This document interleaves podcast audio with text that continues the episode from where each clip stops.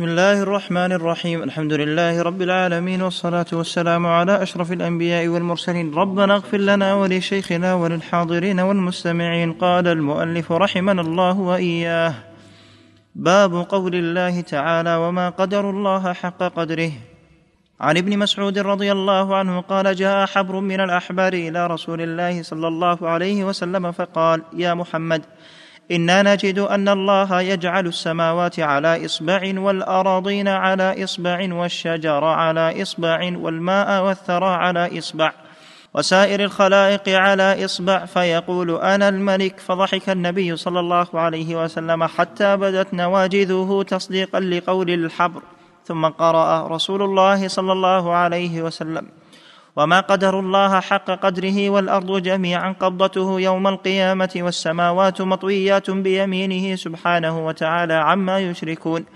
وفي روايه لمسلم والجبال والشجر على اصبع ثم يهزهن فيقول أنا الملك أنا الله. وفي روايه للبخاري يجعل السماوات على اصبع والماء والثرى على اصبع وسائر الخلق على اصبع اخرجاه ولمسلم عن ابن عمر رضي الله عنه مرفوعا يطوي الله السماوات يوم القيامة ثم يأخذهن بيده اليمنى ثم يقول أنا الملك؟ أين الجبارون؟ أين المتكبرون؟ ثم يطوي الأراضين السبع ثم يأخذهن بشماله ثم يقول أنا الملك؟ أين الجبارون؟ أين المتكبرون؟ وروي عن ابن عباس رضي الله عنه قال ما السماوات السبع والارضون السبع في كف الرحمن إلا كخردل في يد أحدكم؟ وقال ابن جرير حدثني يونس. هذا الباب لو انتهى ولا؟ هنا متصل أحسن الله عليك.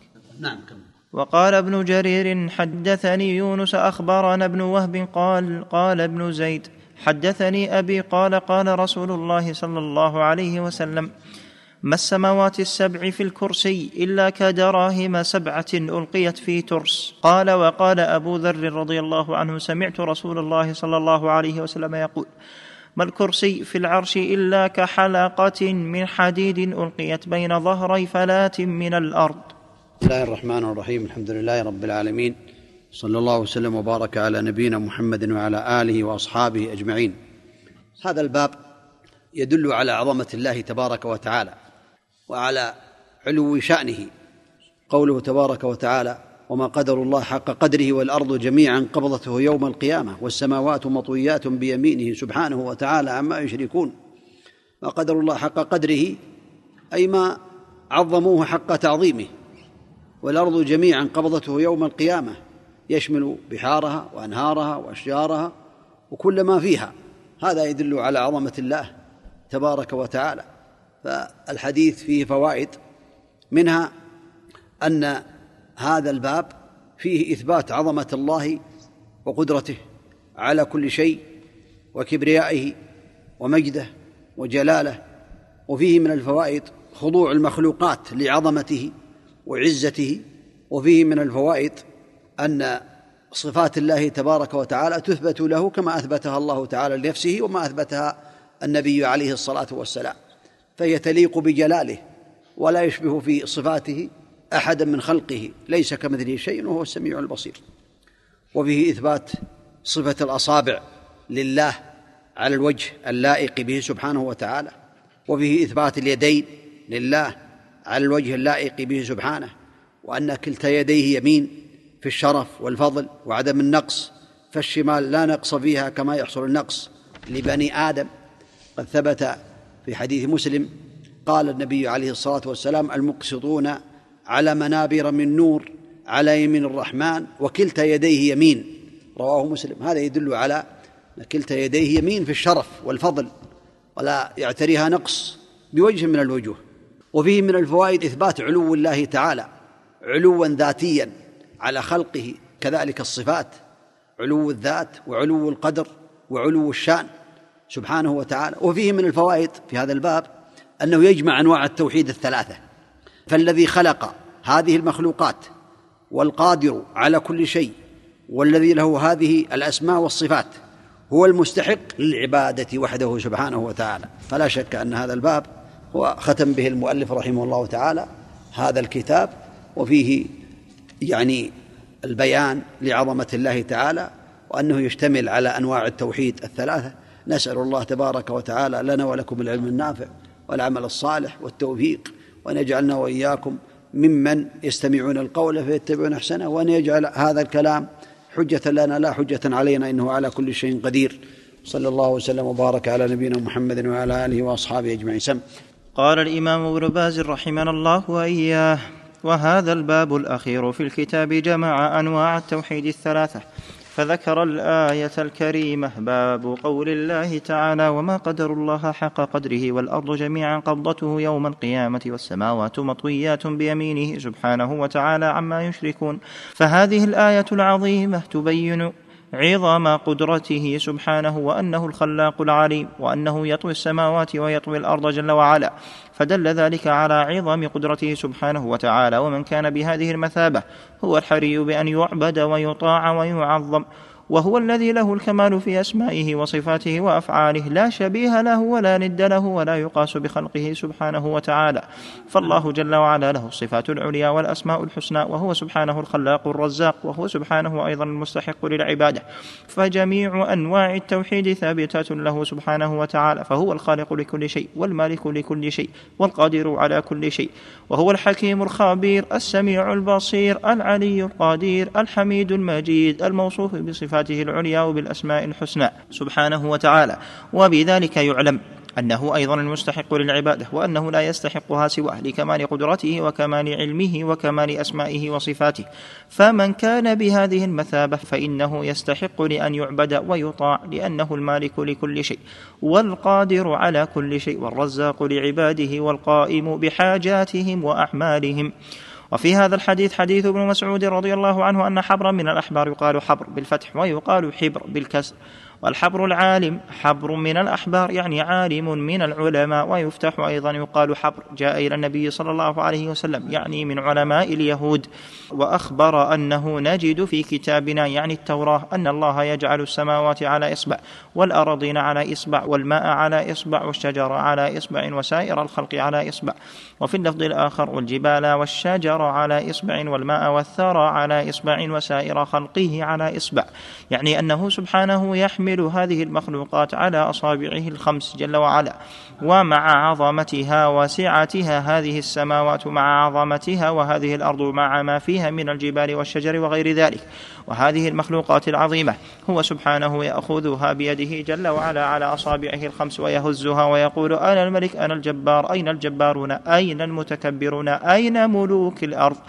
هذا كله يبين لنا عظمته وقدرته العظيمة. ولهذا قال ضحك النبي صلى الله عليه وسلم تصديقا لقول الحبر ثم تلا الآية وما قدر الله حق قدره تلاها تصديقا له. وفي هذا إثبات صفات وأن له يمينا وشمالا وأن كلتا يديه يمين كما في الحديث الآخر كلتا يدي الرب يمين مباركة سمى إحداهما يمين وسمى إحداهما شمال من حيث الاسم ولكن من حيث المعنى والشرف كلتاهما يمين مباركة ليس في شيء منها نقص. وكذلك الكف ما السماوات السبع والأرضين السبع في كف الرحمن إلا كخردل في يد أحدنا. وهذا يبين يبين عظمته سبحانه وسعة جوده وكبرياءه وأنه الخلاق العليم وأنه العظيم وأنه المالك لكل شيء وأنه المستحق لأن يعبد جل وعلا دون كل ما سواه. من كان بهذه الصفة وهذه القدرة وهذا الكمال فهو مستحق أن يعبد ويطاع. ولهذا خلق الخلق ليعبدوه وأمرهم بذلك في قوله سبحانه وما خلقت الجن والإنس إلا ليعبدون. يا أيها الناس اعبدوا ربكم. وأرسل الرسل لهذا الأمر وبين أسماءه وصفاته لعباده ليعظموه ويذلوا له وينقادوا لأوامره وينتبهوا لعظمته ويجتهدوا في طاعته ويحذروا مناهيه سبحانه وتعالى. وعن ابن مسعود رضي الله عنه قال بين السماء الدنيا والتي تليها خمسمائة عام وبين كل سماء وسماء خمسمائة عام. وبين السماء السابعة والكرسي خمسمائة عام وبين الكرسي والماء خمسمائة عام والعرش فوق الماء والله فوق العرش لا يخفى عليه شيء من أعمالكم. أخرجه ابن مهدي عن حماد بن سلامة عن عاصم عن زر عن عبد الله ورواه بنحوه المسعودي عن عاصم عن أبي وائل عن عبد الله قاله الحافظ الذهبي رحمه الله تعالى قال وله طرق. وعن العباس بن عبد المطلب رضي الله عنه قال قال رسول الله صلى الله عليه وسلم هل تدرون كم بين السماء والأرض؟ قلنا الله ورسوله أعلم. قال بينهما مسيرة خمسمائة سنة ومن كل سماء إلى سماء مسيرة خمسمائة سنة. وكثف كل سماء مسيرة خمسمائة سنة وبين السماء السابعة والعرش بحر بين أسفله وأعلاه كما بين السماء والأرض. والله تعالى فوق ذلك ليس يخفى عليه شيء من أعمال بني آدم. أخرجه أبو داود وغيره وصلى الله وسلم على نبينا محمد. هذان الحديثان من أحاديث الصفات. يعني هذا الكلام الشرح يعني للجزء الأخير من هذا الباب. هذان الحديثان. نعم. هذان الحديثان من أحاديث الصفات ومن أحاديث العلو. وقد أجمع أهل السنة والجماعة على أنه سبحانه في العلو فوق العرش فوق جميع مخلوقاته وعلمه في كل مكان والأدلة على هذا أكثر. من أن تحصر من الكتاب والسنة فقد جاء في القرآن الكريم من الآيات الكثيرات. ما يشهد لهذا؟ يعني معية الله تعالى لخلقه معيتان معية عامة لجميع المخلوقات وهي معية العلم معهم بعلمه سبحانه وتعالى ومعية التوفيق.